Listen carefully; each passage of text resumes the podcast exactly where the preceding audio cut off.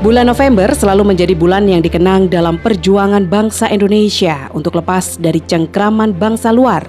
10 November 1945 terjadi perang besar-besaran di Surabaya dalam melawan sekutu yang kemudian hari tersebut diperingati sebagai Hari Pahlawan. Mengingat jarak dari Malang dan Surabaya yang cukup dekat, maka banyak arek Malang yang juga turut berjuang dalam perang tersebut. Salah satunya adalah Laskar Sabilillah yang dipimpin oleh Kiai Haji Mashkur untuk sosok Kiai Haji Maskur sendiri itu uh, sudah pernah diulas ya, sudah pernah dituliskan oleh beberapa sejarawan senior. Ya. Salah satunya yang bisa saya kutip di sini penelitiannya dari Pak Najib Jauhari ya, salah satu sejarawan senior juga di Kota Malang itu beliau juga senior saya atau yang akrab dipanggil oleh Gus Najib. Gus Najib dulu uh, sempat menuliskan karya ilmiah di skripsinya dan juga di beberapa jurnal dia mengangkat uh, tentang Laskar Sabilillah itu dan tokoh-tokoh yang ada di dalamnya itu salah satunya adalah Kiai Haji Maskur. Nah, Kiai Haji Maskur ini dalam masyarakat Malang uh, mempunyai kedudukan tersendiri. Sejak masa kolonial itu beliau sudah aktif dalam organisasi ke kemasyarakatan terutama pada bidang pendidikan. Uh, yang pertama adalah Misbahul Waton ini didirikan tahun 1922 itu juga beliau yang diri, uh, menggagas dan mendirikan. Terus kemudian uh, Misbahul Waton itu berubah menjadi Nahdlatul Waton tahun 1924. Nah, organisasi ini dikatakan sebagai cikal bakal Nahdlatul Ulama yang mana NU sendiri yang didirikan pada tanggal 31 Januari 1926 itu ya itu didirikan bukan hanya oleh Kiai Haji Asari tapi juga oleh 13 kiai yang lain yang salah satunya bernama Kiai Haji Nakrowi Tohir yang merupakan paman dari istri Kiai Haji Maskur itu yang berasal dari Singosari juga jadi intinya sebetulnya Kiai Haji Maskur itu adalah seorang santri, dia seorang tokoh agama, dia seorang kiai yang asli Malang gitu ya. Karena dia mendirikan pendidikan, dia juga uh, banyak mendirikan tempat pendidikan, dia juga banyak uh, mengikuti organisasi-organisasi keagamaan, organisasi kemasyarakatan. Sehingga ketika muncul peristiwa pertempuran uh, 10 November itu maka beliau salah satunya menyetuskan untuk membentuk Laskar Sabilillah itu sehingga uh, harus berangkat ke Surabaya. Dan beliau uh, ikut juga dalam keberangkatan itu. Itu yang yang menjadikan nilai positif ya secara psikologis bagi semua laskar karena beliau turun turun sendiri untuk ikut berperang di uh, Surabaya ketika 10 November itu. Dan tidak hanya laskar Sabilillah tapi ada laskar-laskar lainnya. Jadi kurang lebih seperti itu Mbak Mir uh, terkait biografi dari Kiai Haji Maskur. Ininya dia adalah seorang santri seorang kiai organisatoris dia seorang tokoh agama yang uh, diutamakan ya di wilayah Malang ini dan dia berhasil membentuk sebuah laskar dan laskar itu uh, berhasil salah satunya menyokong perjuangan kemerdekaan negara kita terutama tanggal 10 November di peristiwa 10 November itu di Surab pertempuran Surabaya itu.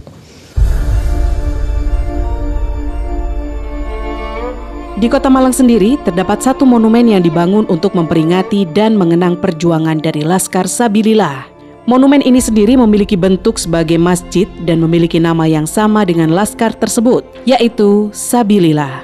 Letaknya cukup strategis karena berada pada salah satu jalan protokol di Malang, yaitu Jalan Ahmad Yani Blimbing, Malang. Kenapa monumen itu dibangun berbentuk masjid. Padahal kalau kita lihat ya monumen-monumen yang ada di Malang itu kayak monumen pahlawan trip itu patung itu tentara pelajar. Terus ada monumen kemerdekaan Indonesia itu di depannya Balai Kota Malang itu berbentuk tugu dan model-model kayak gitu. Nah, ini unik sekali karena monumennya berbentuk masjid. Nah, kenapa itu di, dikatakan monumen? Nah, ada latar belakangnya itu.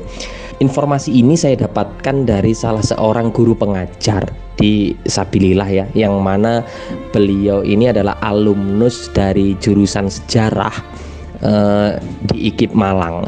Beliau namanya Pak Maskur yang akrab biasanya oleh teman-teman dia dipanggil oleh Cakur eh, dipanggil dengan sebutan Cakur gitu oleh teman-teman ketika di organisasi eh, kampus dulu ya.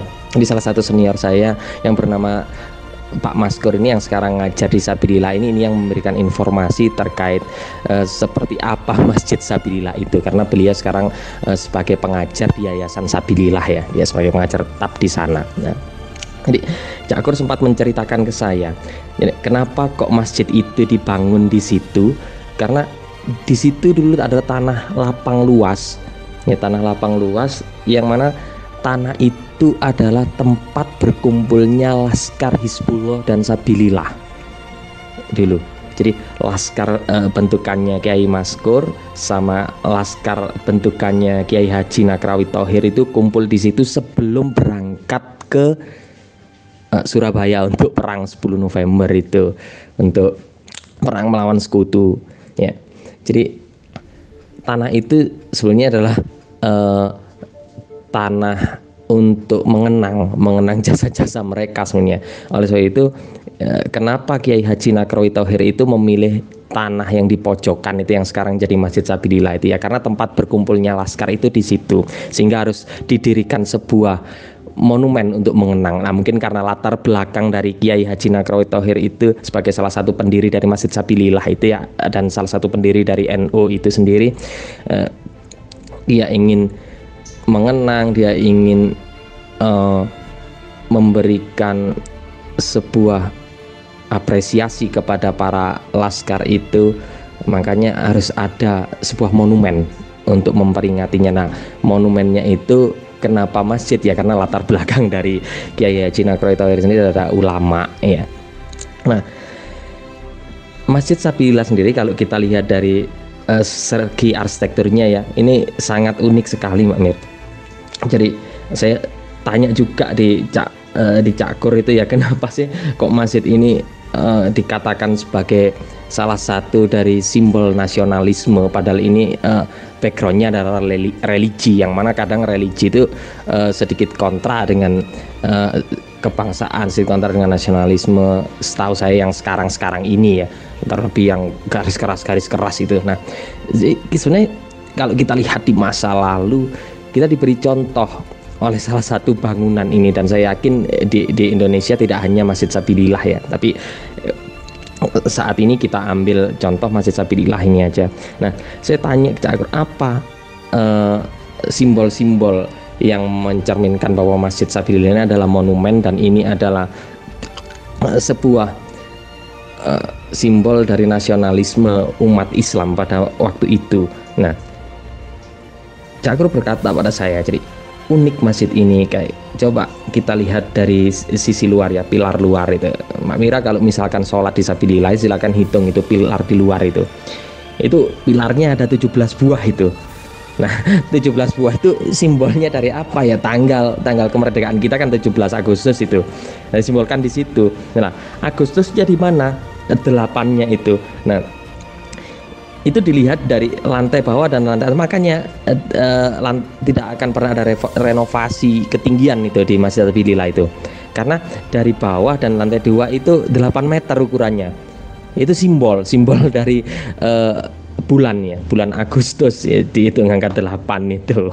Terus ada lagi 45 nya mana? Menaranya menaranya ukurannya dari bawah sampai ujung itu 45 meter itu makanya tidak akan ada penambahan tinggi lagi itu sampai 50 meter tidak karena itu akan e, menghilangkan simbolisasi nasionalisme itu.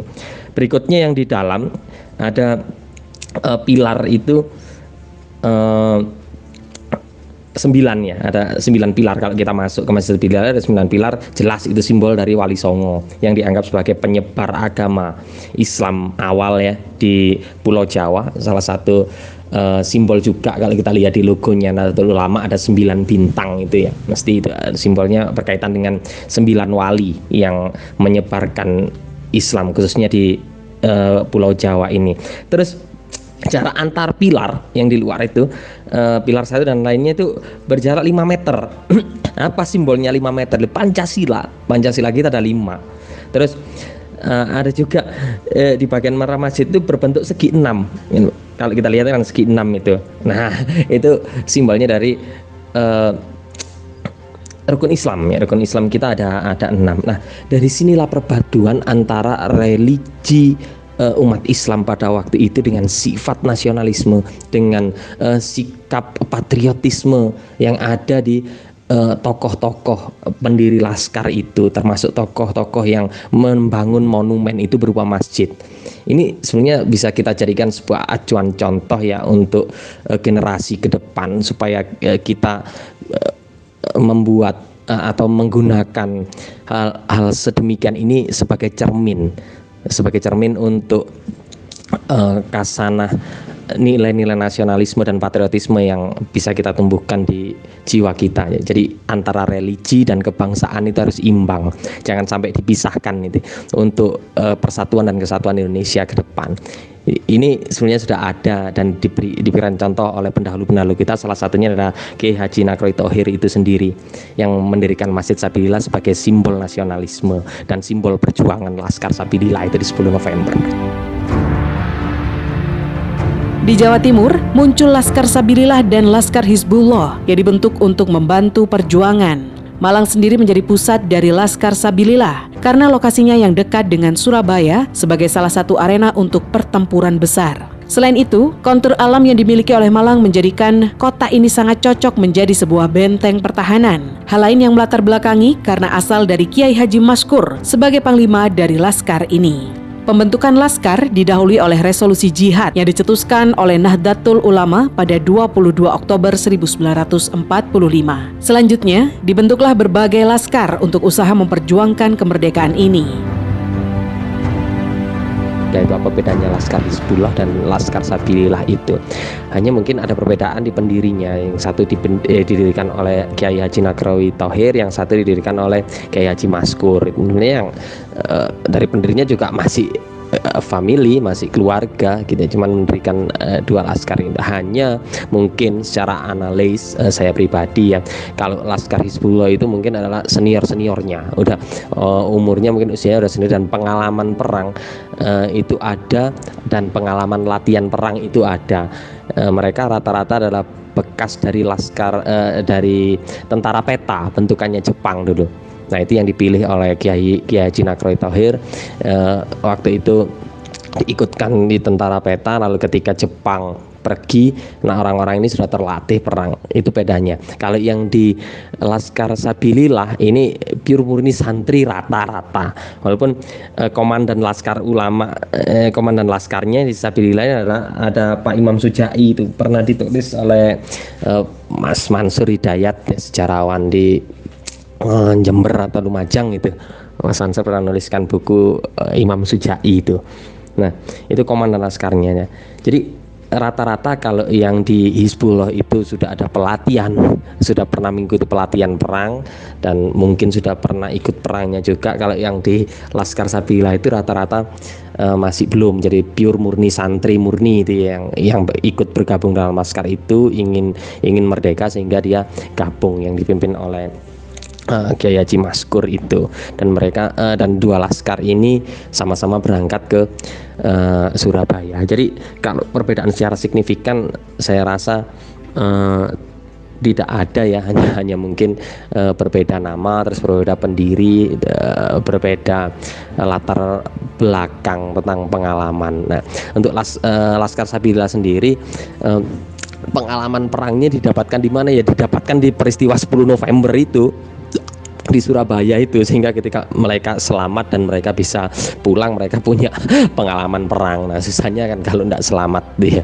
Tapi ya mau gimana lagi waktu itu memang e, pengorbanan perjuangan yang harus kita hargai yang harus kita syukuri mereka e, pergi sebelum kita dan kita sekarang tinggal e, enak seperti ini ya. Jangan sampai kita melupakan perjuangan beliau-beliau ketika itu. Walaupun mereka tidak ada pengalaman berperang, tidak ada pengalaman pegang senjata dan sebagainya, tapi semangat mereka untuk merdeka, semangat mereka untuk uh, beribadah dengan tenang supaya tidak ada huru hara itu uh, perlu diapresiasi. Oleh sebab itu semangat mereka pada waktu itu ya benar-benar uh, semangat jihad visabilillah.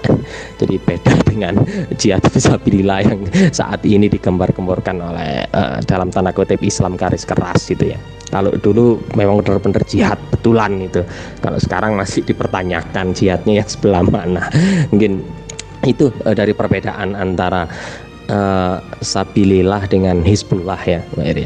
Perbedaannya lagi kalau um, antara Hizbullah dan Sabilillah ya kalau tentara Hizbullah itu uh, bisa diidentifikasi berapa yang yang berangkat itu yang dipimpin oleh Kiai Haji uh, Nawawi Tohir dan Abbas Sato itu jumlahnya 168 pasukan lah sedangkan Laskar Sabilillah ini tidak diketahui jumlah pasukannya berapa itu? Itu hanya terdiri dari pesantren-pesantren kecil di sekitar wilayah Malang yang ikut bergabung gitu ya karena mungkin uh, di Singosari adalah salah satu ada pes, uh, pesantren induk itu di sana sehingga gabungnya di sana. Dan kumpulnya uh, di tengah-tengah itu yang sekarang jadi Masjid Sabilillah itu. Jadi ada sekitar ribuan mungkin ya atau uh, kalau dari Sabilillah sendiri Laskar Sabilillah sendiri ratusan kalau digabung di Surabaya sana sekitar ribuan orang. Dan itu yang meninggal pun nggak sedikit ya Pak Mir ya. Nggak sedikit yang meninggal dunia itu karena memang kurangnya uh, logistik dan kurangnya pengalaman perang dari mereka. Tapi yang butuh kita acungi jempol yang butuh kita apresiasi butuh kita hormati sampai kapan pun Indonesia ini ada adalah semangat juang mereka. Oleh sebab itu kenapa hari pahlawan itu ada di tanggal 10 November dan bukan di tanggal lain. Karena memang banyaknya yang meninggal terutama di wilayah jembatan merah itu ya ketika tadi saya sebutkan dia di eh, Sungkono membagi selaku komandan pertempuran itu dia membagi beberapa sub sektor itu sektor barat, sektor tengah, sektor timur itu. Masing-masing itu banyak sekali itu korban itu di sub barat aja berapa ribu sektor timur nanti masih ada berapa uh, korban jiwa lagi. Makanya kenapa 10 November itu uh, dikatakan sebagai hari pahlawan dan bukan tanggal lain gitu ya.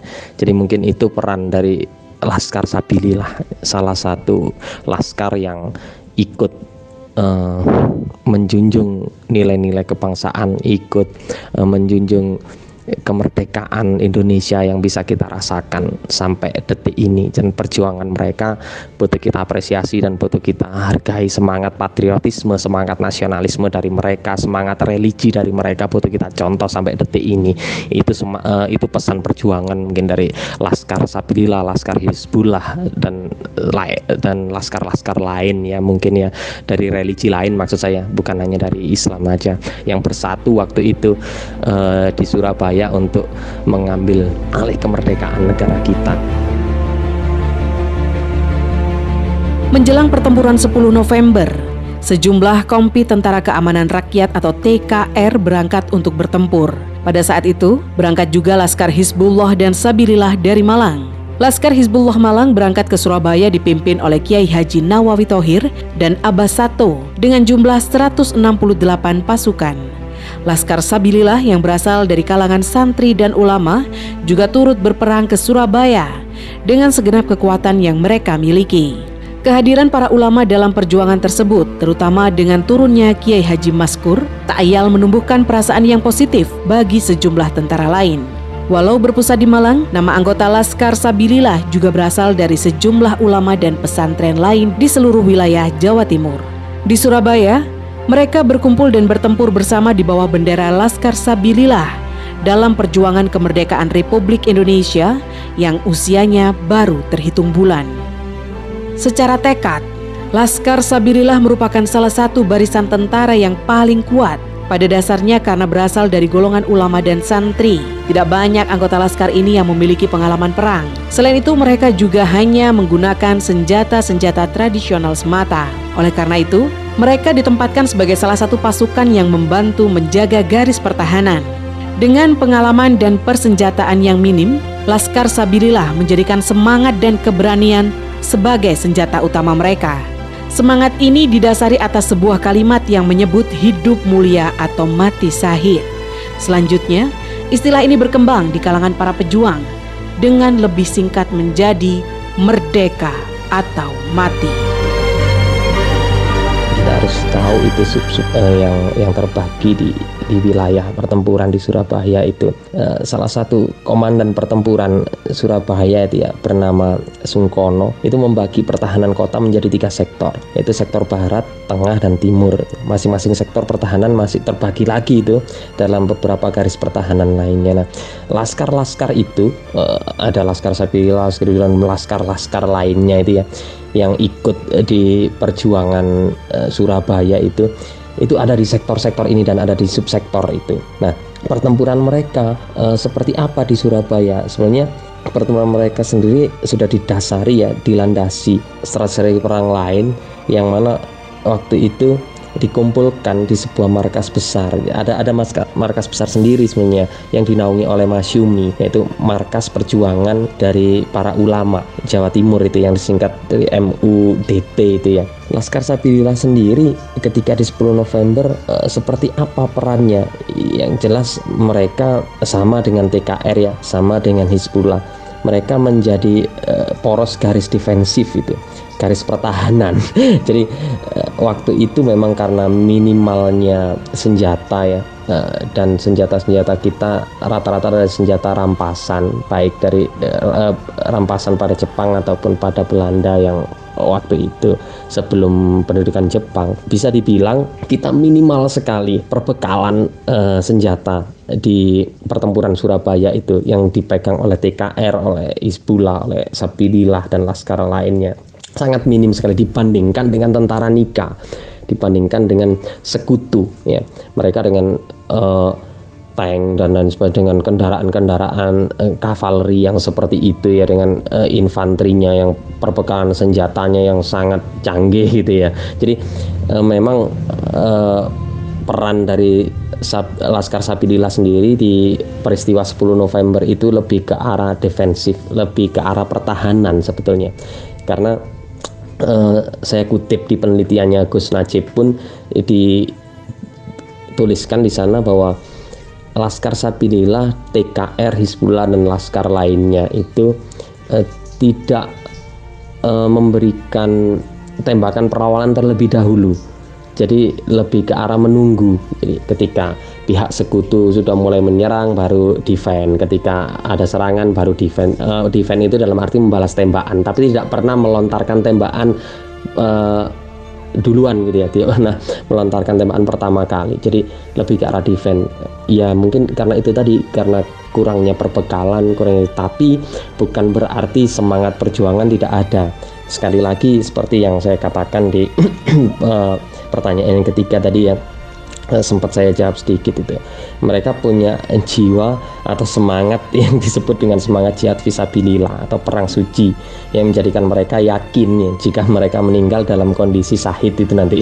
Maka yang dikatakan sahid itu akan masuk surga. Jadi keyakinan dan kepercayaan mereka sudah seperti itu. Terlebih kiai-kiai mereka terlebih uh, para penggede-penggedenya terlebih para uh, tetua-tetua mereka juga ikut turun lapangan juga juga ikut bertempur gitu seperti Kiai Haji Maskur, Kiai Haji Tauhir dan sebagainya itu juga ikut dalam pertempuran itu menjadi satu. Jadi mereka merasa seperti uh, ada dukungan spirit, ada dukungan moral, ada dukungan psikologis ya, ada dukungan keyakinan religi yang kuat itu. Walaupun dengan persenjataan yang kurang uh, mereka benar-benar mati-matian itu menghadapi itu itu yang yang uh, bisa kita uh, garis bawahi ya dari uh, peran Sabilillah di peristiwa 10 November. Walaupun memiliki modal yang tak banyak, namun Laskar Sabilillah tetap maju ke garis terdepan pertempuran untuk meningkatkan semangat perjuangan para prajurit. Hasilnya, wilayah Surabaya menjadi sangat sulit ditaklukkan oleh pasukan sekutu. Pada akhirnya, pertempuran di Surabaya benar-benar berhenti ketika digelar gencatan senjata pada 14 Oktober 1946. Laskar Sabilillah menunjukkan bahwa perjuangan dan jihad yang dilakukan oleh umat Islam merupakan salah satu penyokong dan bertahannya kemerdekaan yang dimiliki oleh bangsa Indonesia.